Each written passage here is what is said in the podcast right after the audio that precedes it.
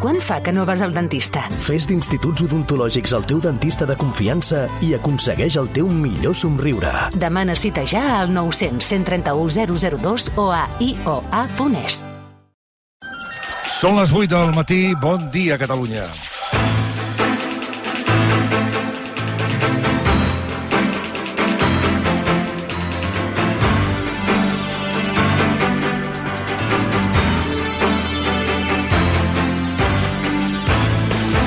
Cas Slaughter.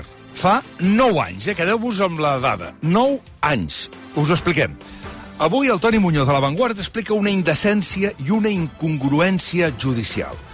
Després de gairebé 5 anys aturat i 9 des que va començar a investigar-se, o sigui, fa 9 anys que es va començar a investigar, i fa 5 anys que aquest cas està aturat.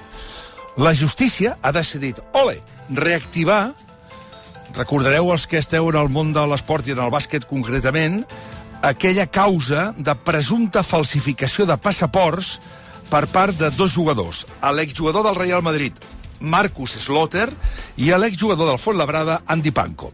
Els dos són americans i els dos es van fer passaport de Guinea Equatorial per no ocupar plaça d'extracomunitari.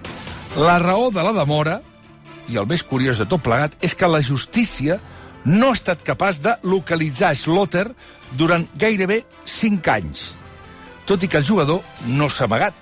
Bueno, penja fotos a les seves xarxes. Doncs bé, gràcies a la intermediació del Barça, el jutge instructor finalment ha trobat Marcus Slaughter i ja ho tindríem tot llest per posar data al judici oral. Hem de dir que bravo pel Barça. A Catalunya tenim i tendim a inflar tot el que fa malament la gent de les llotges directives de qualsevol club de primer nivell no només és patrimoni del Barça, de qualsevol club. Però en aquesta ocasió cal aplaudir el Barça, cal aplaudir la Junta Directiva per aquest moviment eh, de despatxos.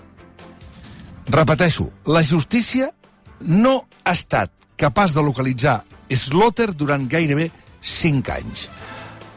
El jutjat d'instrucció número 27 de Madrid no ha localitzat el jugador de bàsquet exjugador del Madrid Marcus Slaughter té Instagram i altres xarxes. És que no té cap explicació que un jutge digui que no troba una persona quan té Instagram i va penjant fotos.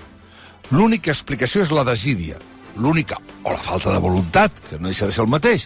Perquè si vas a Instagram de l'Slaughter els últims anys, pots veure fotos del jugador disfressat d'Olaf de Frozen, al mig del camp del Bernabéu, amb la samarreta del Real Madrid de futbol, anant a veure un partit amistós del Real Madrid aquest estiu passat als Estats Units i un regal de pastissos amb l'escut de l'equip de la capital d'Espanya.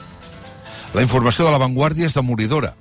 Davant la brasa habitual que hem de creure en la justícia i respectar l'estat de dret, també també podem dir i hem de veure que la capitalitat de Madrid té enormes beneficis com les inaccions sospitoses judicials en alguns casos i la desmesura en un altre, també sospitosos, com hem pogut comprovar els últims anys a Catalunya.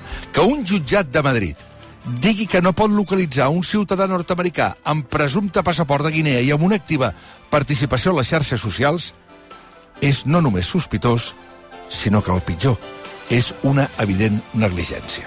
Són les 83 minuts, benvinguts al món.